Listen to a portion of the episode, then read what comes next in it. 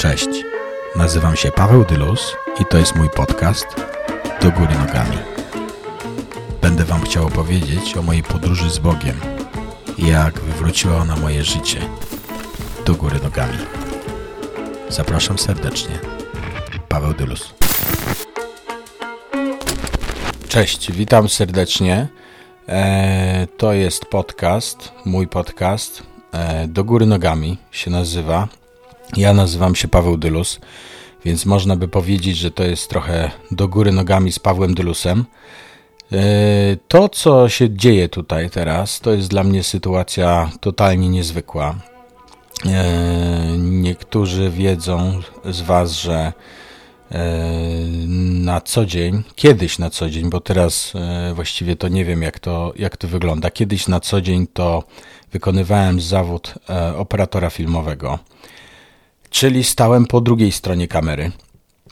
I jestem e, niezbyt przyzwyczajony do tego, że, mm, że jestem przed kamerą. E, co prawda, kilka razy miałem jakieś różne dziwne, crazy propozycje, żeby e, zagrać w filmie, ale jakoś chyba całe szczęście nie poszedłem na to. A dzisiaj jest dla mnie przełomowy moment. To jest moment, na który zbierało się ostatnich kilka miesięcy. Nie powiem, żebym był super optymistycznie na początku nastawiony do tego, żeby siedzieć przed Wami i publicznie mm, mówić o swojej wierze. Jednak e, właściwie całe moje życie, a na pewno ostatnich kilka lat, a już na pewno ostatnie dwa lata, wskazują bardzo mocno mi na to, że muszę się dzielić z Wami tym, co przeżywam, tak, żeby może kogoś zainspirować do tego, że może być inaczej. E, dlaczego, słuchajcie, dlaczego do góry nogami przede wszystkim? Zacznijmy może od tego, że to jest podcast chrześcijański. Co to znaczy, że to jest podcast chrześcijański? To znaczy, że e, wszystko to, co będzie tutaj, o czym tu będzie mowa, będzie się kręciło wokół Jezusa, e, Chrystusa, czyli wokół chrześcijaństwa. E, jestem człowiekiem nowonarodzonym. Co to znaczy człowiekiem narodzonym? Czyli takim gościem, który po długiej batalii z samym sobą pewnego dnia zrozumiał, że nie jestem w stanie ciągnąć tego życiowego wózka sam e, i że nie ma innej opcji, tylko muszę się po prostu poddać e, sile wyższej, e, temu, który według mnie stworzył to wszystko, temu, który, mm, który postanowił, że przyjdzie na ten świat 2000 lat temu od którego e, twój, Twoja data urodzenia i moja data urodzenia e, się liczy, czyli od Jezusa. Postanowiłem po prostu totalnie zmienić swoje życie. To było 11 lat temu. I na, na łamach, na łamach, na wideo, na klipach tego podcastu E, chciałbym Wam opowiedzieć trochę swoją historię. Chciałbym Wam opowiedzieć o tym, jak ja rozumiem Królestwo Boże, które, jak nazwa podcastu wskazuje, jest e, totalnie do góry nogami. E, dlaczego do góry nogami? Może tak. Słuchajcie, dla mnie wszystko, to, co, co reprezentuje Królestwo Boże, jest do góry nogami. Wszystko to, co ja widzę, jest do góry nogami. Wszystko to, co ja widzę w swoim życiu, że się wydarzyło, e, jest do góry nogami. E, przez ostatnie dwa lata Wyjechałem z moją żoną i dwójką dzieci. Trzecie dziecko urodziło się tutaj, gdzie jesteśmy teraz w Kalifornii. Wyjechaliśmy i e, właściwie e, poświęciliśmy, nie wiem czy to jest dobre słowo, ale może tak, poświęciliśmy e, większość naszych finansów, naszych oszczędności do tego, żeby dotknąć czegoś więcej, jeżeli chodzi o Boga. Wyjechaliśmy do Bethel, do Redding w Kalifornii, do kościoła Bethel, które prowadzi szkołę nie jest to szkoła biblijna. Niektórzy mówią, że to jest Disneyland, tak, e, taki e, duchowy Disneyland. I absolutnie tak jest. No i w zeszłym roku ja byłem na pierwszym roku tej szkoły, a w tym roku ja się zajmuję dzieciakami, a moja żona jest na pierwszym roku i zobaczymy co dalej. To, co się tutaj dzieje e, w naszym życiu, jest postawione do góry nogami. Zostawiliśmy nieźle rozwijające się moje życie zawodowe w Polsce. Zostawiliśmy naszych znajomych, przyjaciół. E, nie na zawsze. Po prostu odstawiliśmy na chwilę. E, przynajmniej kontakt osobisty, no bo na szczęście są telefony. Odstawiliśmy nasze rodziny, żeby przyjechać tutaj. Ok, nie jest to koniec świata, nie jest to Syberia, jest to Kalifornia, więc, więc super E, niemniej e, powiem Wam szczerze, że jeżeli zostawiacie coś, co, co się dobrze rozwija, życie zawodowe i po prostu spokojne życie, i zmieniacie je na zupełnie co innego, to zawsze to trochę rozciąga i nigdy nie jest tak, że to jest takie super miłe.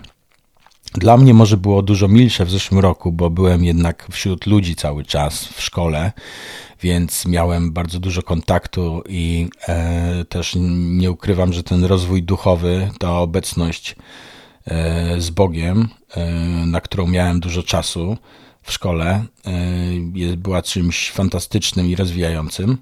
No w tym roku rozwijam się inaczej, bo jestem z trójką dzieci. Z dwu, moja córa Amelia ma 6 lat, chodzi do kindergarten tutaj. Mój syn, czteroletni Eliasz, chodzi do przedszkola. Ja jestem z półtora roczną Zoją tutaj właściwie y, cały czas. No i y, tak naprawdę mogę powiedzieć, że mam okazję w akcji sprawdzić to, czego się nauczyłem. A to, co się zmieniło w moim życiu, E, na przestrzeni ostatniego półtora roku, to mm, są dwie zasadnicze sprawy.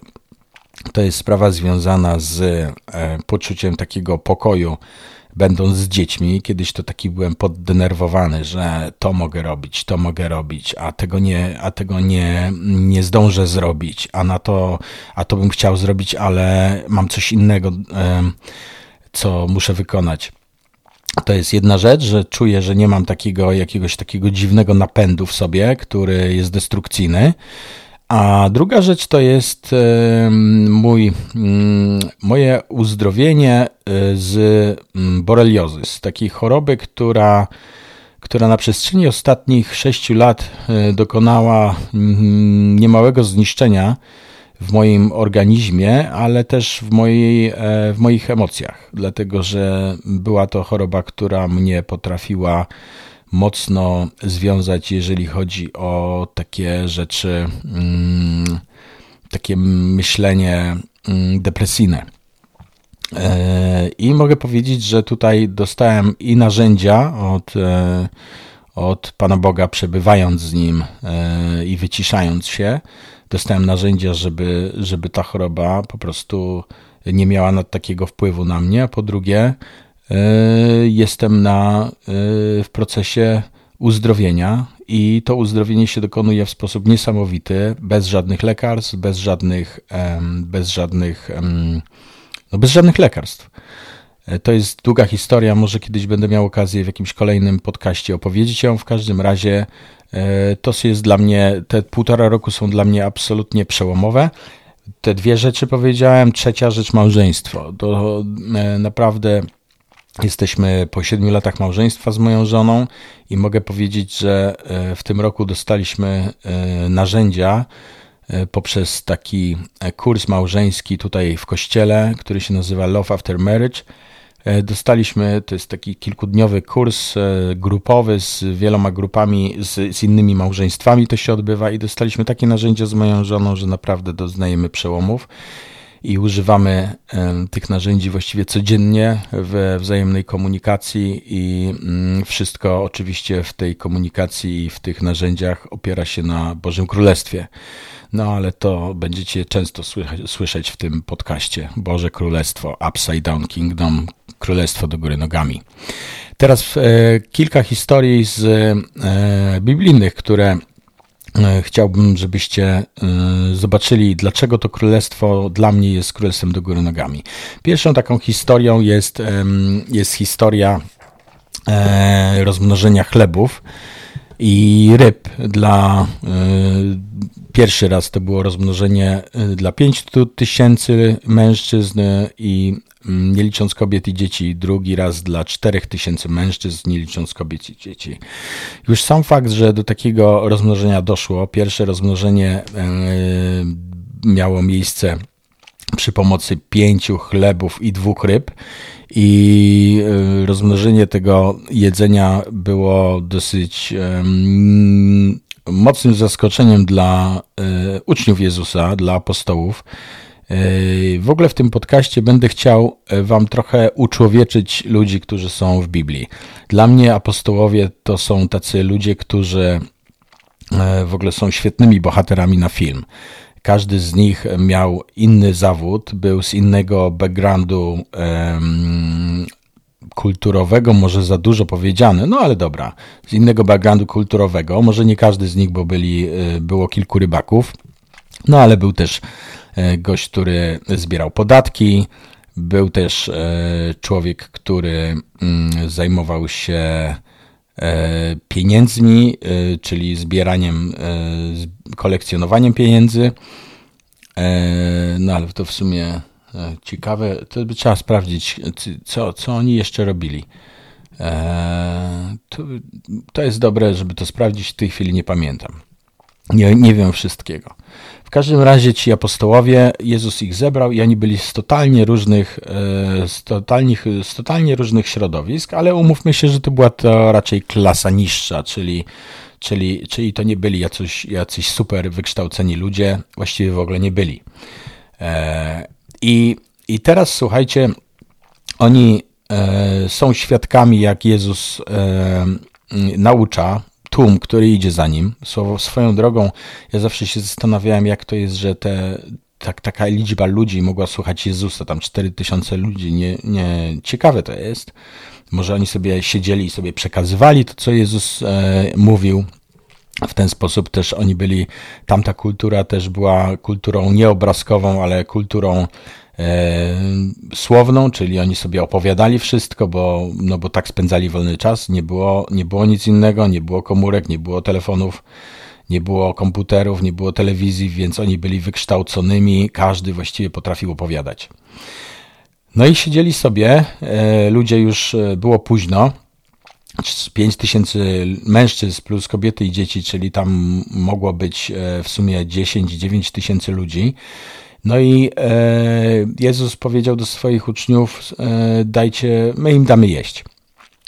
A, a, a ci uczniowie tak się popatrzyli po sobie i powiedzieli: ale, ale jak my im damy jeść? Przecież nie mamy pieniędzy prawie w ogóle, a poza tym, no to gdzie my to nakupimy? Już jest późno. A Jezus mówi, to y, czy ma ktoś, ktoś tutaj jakiekolwiek jedzenie?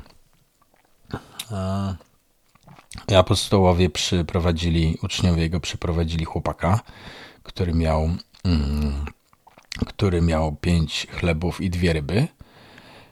E, Jezus pomodlił się, kazał siąść po, w grupach po 50 osób, e, tym, e, tym pięciu tysiącom mężczyzn i, i dzieciom i kobietom słuchajcie, i zaczęło się, zaczęło się ucztowanie, wielkie jedzenie. E, jakby tego było mało, na koniec oni zebrali, słuchajcie, 12 koszów odpadków, czyli resztek. Drugie rozmnożenie chleba i rybek miało miejsce jakiś czas później i słuchajcie, było to rozmnożenie dla 4000 mężczyzn i by rozmnożył Jezus siedem chlebów i kilka ryb, nie jest podane ile. I słuchajcie, znaleziono wtedy siedem koszy odpadków. Czyli zobaczcie, czyli Jezus rozmnożył mniejszą ilość, mniejszą ilość chlebów i zebrano 12 koszy odpadków i rozmnożył później 7 chlebów i zebrano 7 koszy odpadków. E, jest, jest to dla mnie jeden z obrazów tego, że e, Jezusa i Jego cudów i w ogóle generalnie Boga, bo Jezus wskazuje na Boga, e, nie da się zaszufladkować w jakiejkolwiek szufladzie. Nawet jakbyśmy bardzo chcieli go zaszufladkować, to się nie da. Druga historia, która na to wskazuje, to jest historia o synu marnotrawnym, gdzie syn odchodzi od ojca. Wcześniej ojciec musi sprzedać trochę majątku, żeby mu dać jego część. I on baluje, nie wiem, tam nie ma go kilka miesięcy pewnie.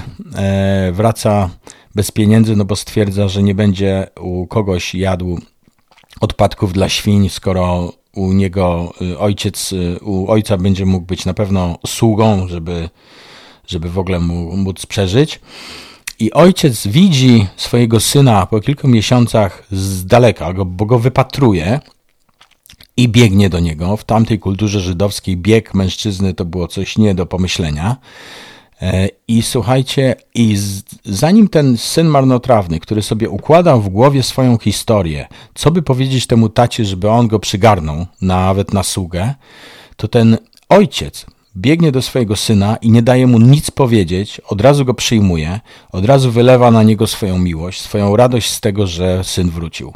To jest dla mnie coś nieprawdopodobnego, bo mm, ja wierzę, że są tacy ojcowie, którzy by byli tak przyjąć w stanie swojego y, marnotrawnego syna, ale jest to, jest to historia dla mnie, która pokazuje, jakie jest serce Boga dla tych, y, którzy są zgubieni i będę o tym mówił, y, jak ja byłem zgubiony i jak ta historia mocno wpływa na mnie. Ta historia swoją drogą ma bardzo dużo wymiarów, bo ona dla mnie potem jest przede wszystkim o starszym bracie, który się oburza na to, że ojciec wyprawia ucztę dla swojego syna i zabija, zabija wybornego y, cielaka na ucztę, y, a i syn starszy ma za złe to ojcu.